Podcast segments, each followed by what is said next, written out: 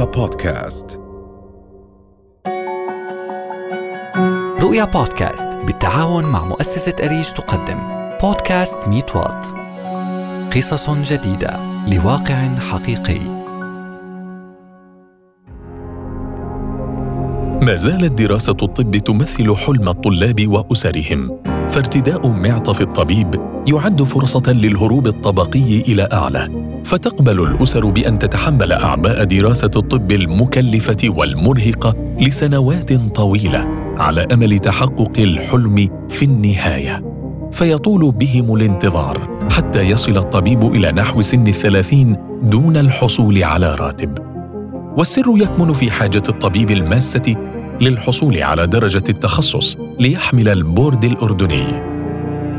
وبذلك يتمكن من مزاولة الاختصاص داخل الأردن. وحتى يصل لتلك اللحظة عليه أن يدرس مرحلة البكالوريوس لمدة ست سنوات ثم سنة امتياز ثم ما بين أربع إلى ست سنوات أخرى حسب التخصص كطبيب مقيم يؤدي دوره كاملا لساعات طويلة ومناوبات أطول تحت إشراف اختصاصي أو استشاري لكن بدون راتب.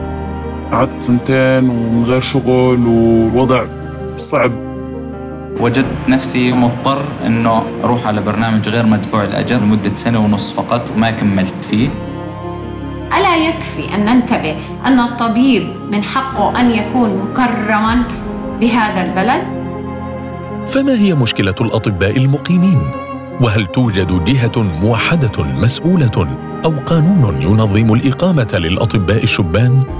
وما دور نقابة الأطباء في المطالبة بحقوق أطباء الإقامة؟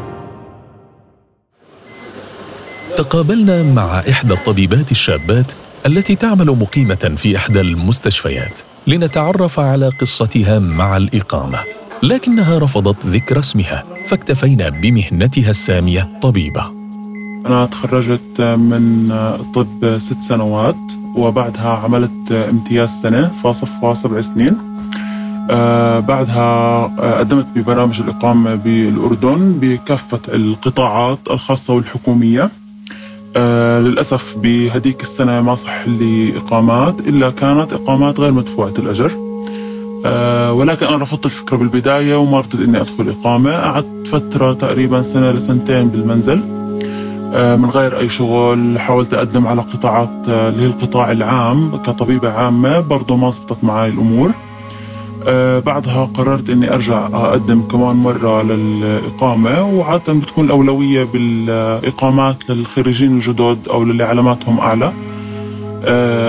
رجعت قدمت امتحانات إقامة من أول وجديد برضه في جميع القطاعات. آه وللأسف بما إني قعدت سنتين ومن غير شغل والوضع صعب بالإقامات بالأردن تعيينات الصحة بتطول فأنا قبلت على حالي إني أدخل في برامج الانبيد بتكون تقسيم الشغل بيننا آه، نفس الإشي آه، الدوام نفس الإشي آه، المناوبات طبعا تقسم علينا بنفس المقدار يعني ما بيميزوا مثلا هذا بيد أو هذا ان بيد تقسيم الشغل بيكون هو نفسه علينا كلياتنا. أكيد في بيكون في لود على الشخص يعني بالذات المناوبات هي شيء مش سهل ودوامنا طويل ساعات العمل طويله وأيام العمل طويلة. أولها كان الموضوع مقبول ولكن بعد فترة بصير في إنك تحس إنك أنت مش قادر حتى توفر مصروفك اليومي اللي هو أبسط شيء إنه الواحد يوفر مصروفه. حتى لو كان وضع الأهل المادي كويس بس فكرة إنه الواحد دارس سبع سنين أو سبع سنين مش سهلين دراسة الطب مش سهلة آه، وبالآخر ما بيلاقي مقابل. وبرضه بالإقامة بنحرت عليه بالشغل بالمناوبات بكل شيء من غير أي مقابل سواء نفسي أو مادي.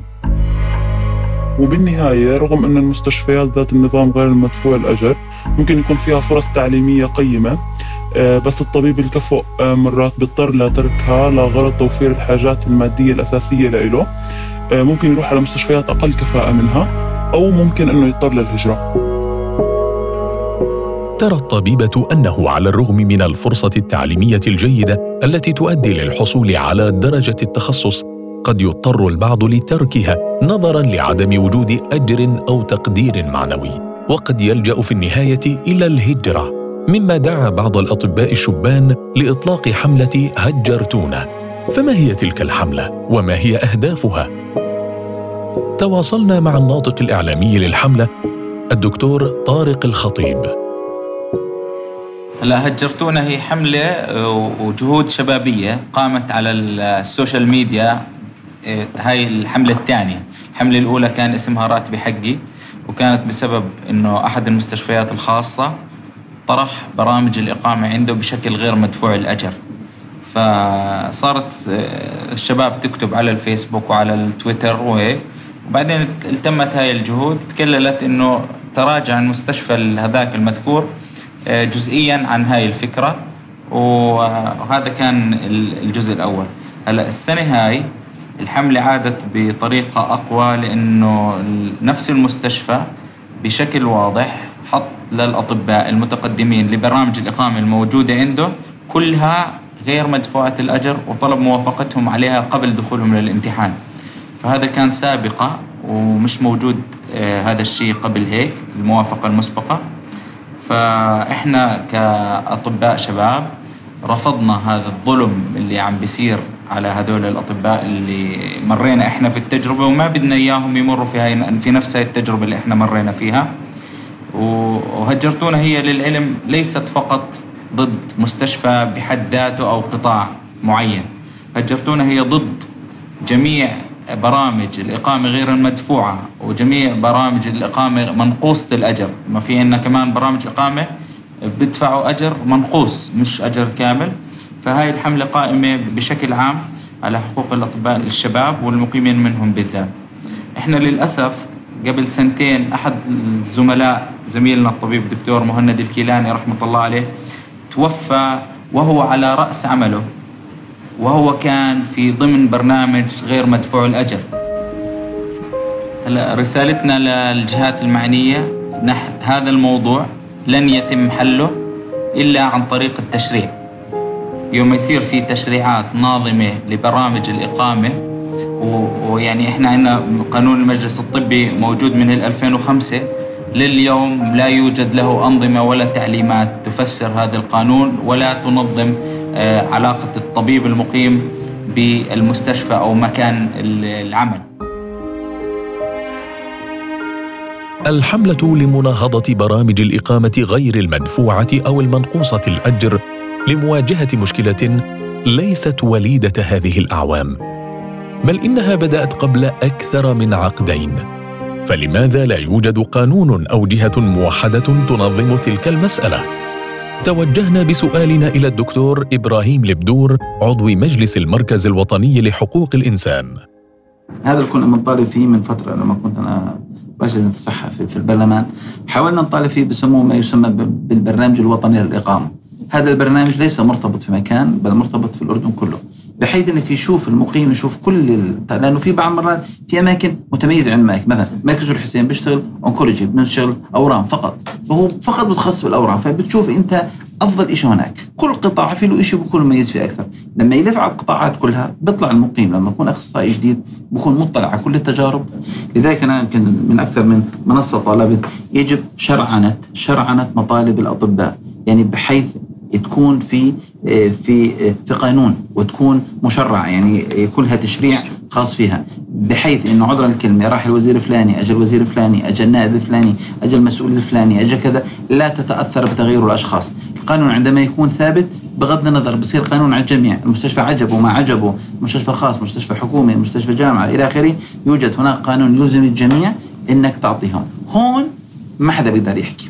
وأضيف لك معلومة يعني أحد وزراء الصحة السابقين الآن هو كان في موقع المسؤولية الآن هو يدفع لابنه. لذلك أعتقد يجب أن نأخذ قرارات حاسمة ونحن الآن في أماكننا لأنه باحترامي للجميع. ممكن في المستقبل يأتي شخص اللي هو اللي كان في يده القرار وما أخذه ممكن هو يتضرر بحد ذاته. إذا حل هذه المشكلة يتطلب تشريعا ملزما يطبق على الجميع وفق قواعد محددة. فما هي الجهة التنسيقية التي يجب أن تأخذ على عاتقها المطالبة بحقوق الأطباء المقيمين وعدم استغلالهم؟ لم نجد إلا نقابة الأطباء لنوجه إليها سؤالنا.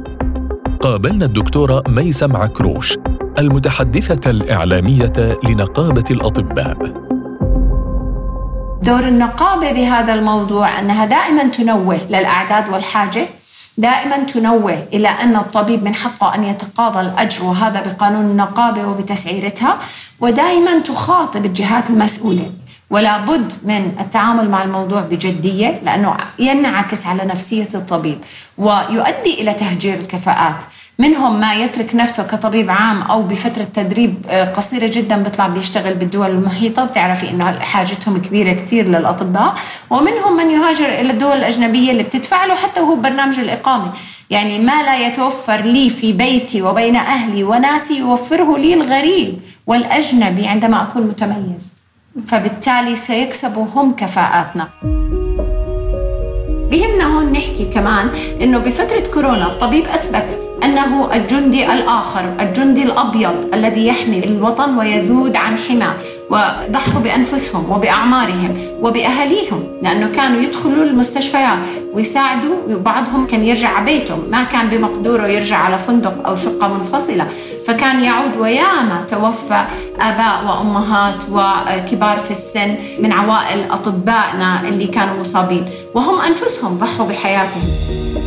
بدأت مشكلة الإقامة قبل عقدين ولم تقدم حلول ناجزة لها فتفاقمت وأصبحت تهدد القطاع الصحي والمؤسسات التعليمية مما يحتم ضرورة وجود إرادة حقيقية عند صانع القرار ليتخذ الإجراءات والقرارات المناسبة وفق معلومات دقيقة تؤدي إلى حل المشكلة بحفظ حقوق الأطباء الشبان المالية ودمجهم في منظومة الحماية الاجتماعية.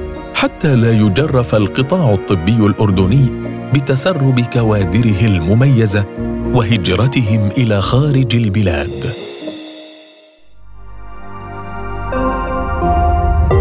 رؤيا بودكاست.